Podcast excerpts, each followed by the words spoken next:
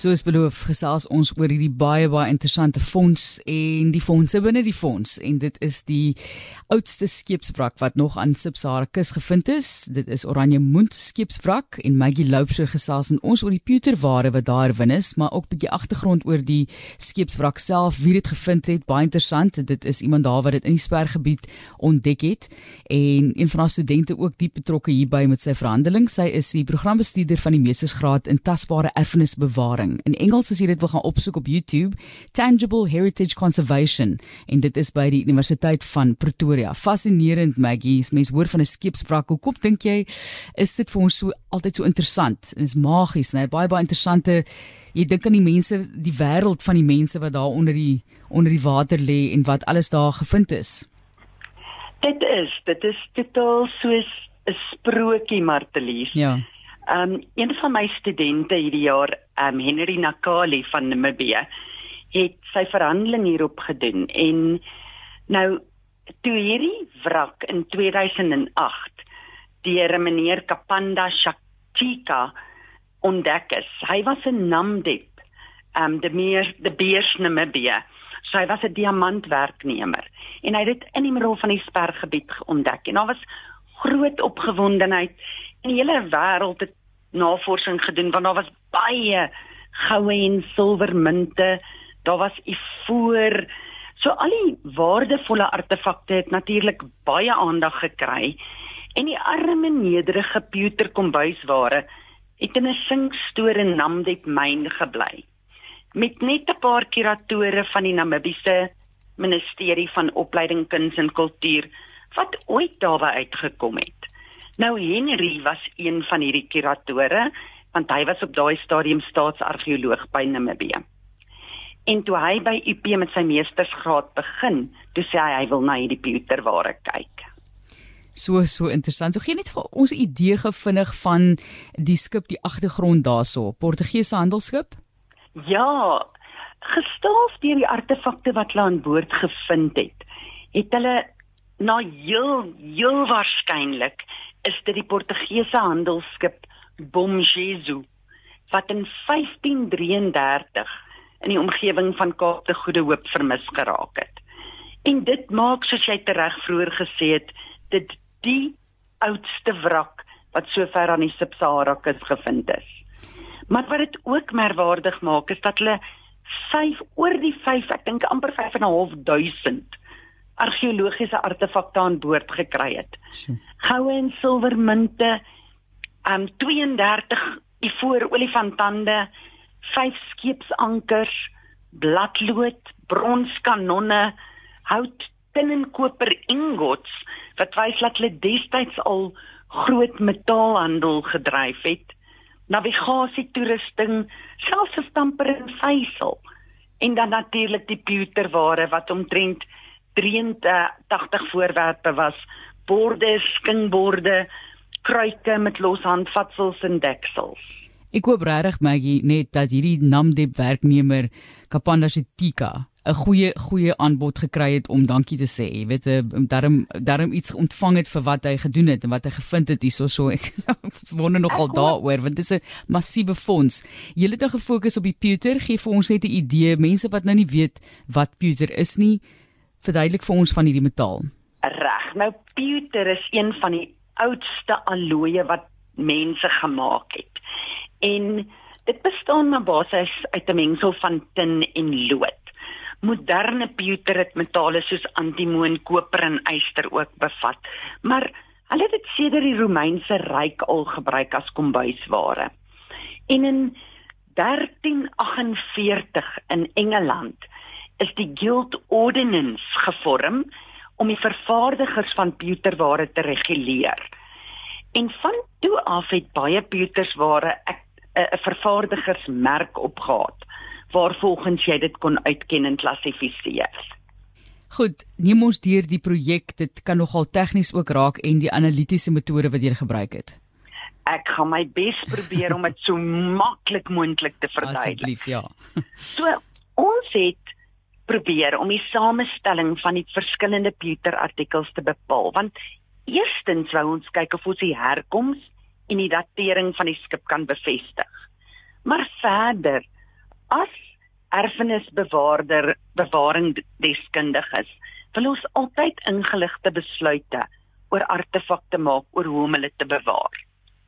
Nou die analitiese metode wat ons gebruik het is ekstrafluoresensie spektroskopie. En ek weet dit is 'n vreeslike mondvol. Maar enige iemand wat al ooit vir 'n mediese X-ray was, weet presies wat dit is. Die enigste verskil is ons instrumentjie is so klein jy kan hom met die hand vashou en omdat hierdie draagbaar en nie destruktief is, is dit ideaal. Nou hoe dit werk is net soos 'n mediese X-ray, maar in plaas van 'n kontrasfilm wat dan vir jou die wit bene en die swart vlees wys, sit ons 'n energiedetektor daar. En wat gebeur is as daai ekstrale 'n materiaal bestraal, dan dan wek hy hom op. En wanneer hy dan weer ontspan, gee elke atoompie in daai materiaal 'n karakteristieke ekstraalfotoentjie af. En die energie daarvan sê vir ons wat die element is. So ons kan sien wat is in 'n materiaal. En dan nog verder, as daar twee keer soveel tin as lood in die artefak is, gaan ons tin syn twee keer groter as die lood syn wees. So op hierdie baie eenvoudige manier kan ons nie net sê wat is in 'n materiaal nie, maar ook hoeveel. Voordat ons by die pewter self kom, Maggie, gee vir ons 'n idee van die resultate van die ander artefakte wat jy gevind het. Daar ander mense as ons het die navorsing daarop gedoen, want soos ek gesê het, dit was regtig die die waardevolle goed was natuurlik wat almal eers na wou kyk. En dit was baie interessant want hulle hulle kon deur die munte byvoorbeeld is wat hulle gebruik het om vas te stel dat dit die bom Jesu moes wees. Want daar was 'n hele verskeidenheid van verskillende goue en en ehm um, silwermunte, Spaans, Portugees, noem dit Europees verskillende Europese geldeenhede wat daarom gedui het dat dit duidelike handelsskip was. Ehm um, die pewter spesifiek het ons ja, is toe nou maar net soos ek sê niemand het destyds daarin geblang gestel nie en dit in die koper en die hout het maar net in die singstoor gebly. En dis hoekom ons toe nou daarop gefokus het soveel wonderlike feite en bevindinge wat hulle gemaak het van die artefakte. So, wat het julle toe van die pewter geleer?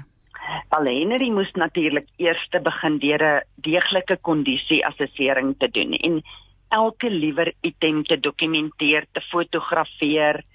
Um, en dit ons hulle gaan analiseer wat 'n hele storie op sy eie was om in die myn in te kom. Maar die komposisies het baie gevarieer hoofsaaklik omdat hierdie goed vir 500 jaar onder die seebodem bewaar was. So daar was 'n dik konkresie van skulpmateriaal en sandkorrels wat alles toegesement het. En jy kan nie dit verwyder sonder om van die geskiedenis van die te verander aan die geskiedenis van die objek nie.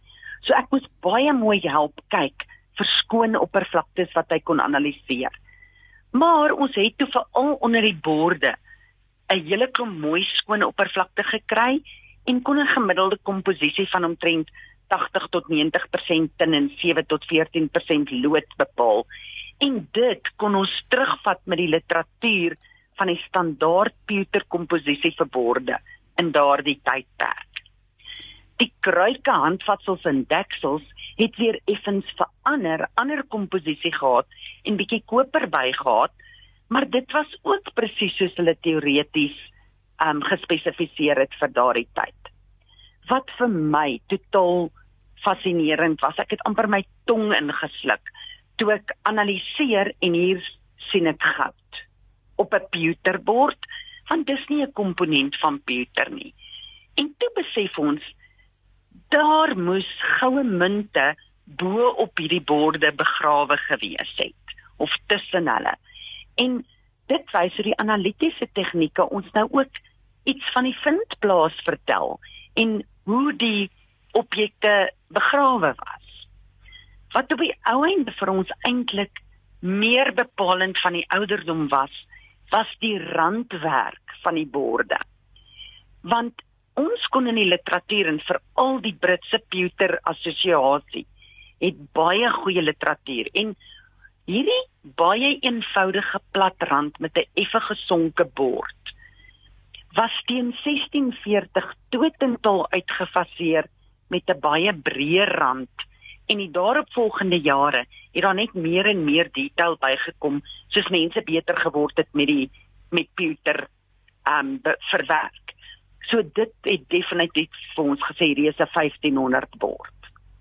Um daar was ook op van die artefakte vervaardigersmerke, maar hulle was bitter moeilik om te sien want hulle was nie in 'n goeie toestand nie.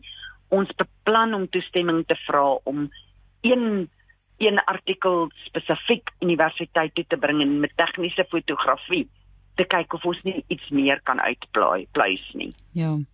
Waarheen gaan hierdie artefakte? Hulle is huidigelik in die middel van die myn in 'n in die ministerie van ehm um, se se bewaarskuur waar hulle probeer om die kondisies so konstant as moontlik te hou. Ehm um, nou ons probeer in erfenisbewaring eerstens altyd goed stabiliseer en onder die beste kondisies bepaal. En terwyl hierdie begrawe was in die seebodem, was dit nie 'n probleem nie. Want daar's nie suurstof nie, so niks kan korrodeer nie. Jou probleme begin as jy hulle uit hulle watergraf haal en dan suurstof blootstel en dis waar ons dan gewoonlik verwering kry. Nou in Pieter is gelukkig 'n redelike stabiele metaal. Um op sy ergste vorm hy tinoksiede en loodkarbonate. En dit vorm so fyn poeier op die oppervlak wat dan self eintlik die artikel be bewaar teen verdere korrosie. So ons beste bewaring is net om die stoortemperatuur en humiditeit stabiel te hou. Maar ons hoop dat met hierdie projek gaan ons hernuide belangstelling in die Oranjemoen skeepswrak projek posvaal.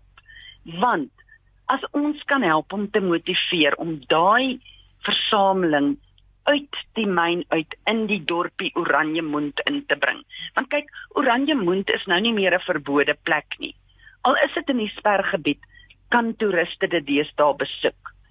En dit sal wonderlik wees as ons 'n skeepswrak museum kan open waar die objekte eerstens onder ideale kondisies bewaar kan word, maar ook meer toeganklik vir beide navorsers en die algemene publiek. En soos jy tereg gesê het, miskien kan meneer Kapanda Chatika dan sy bietjie uur van glorie kry as ons sy storie met die res van die wêreld kan deel.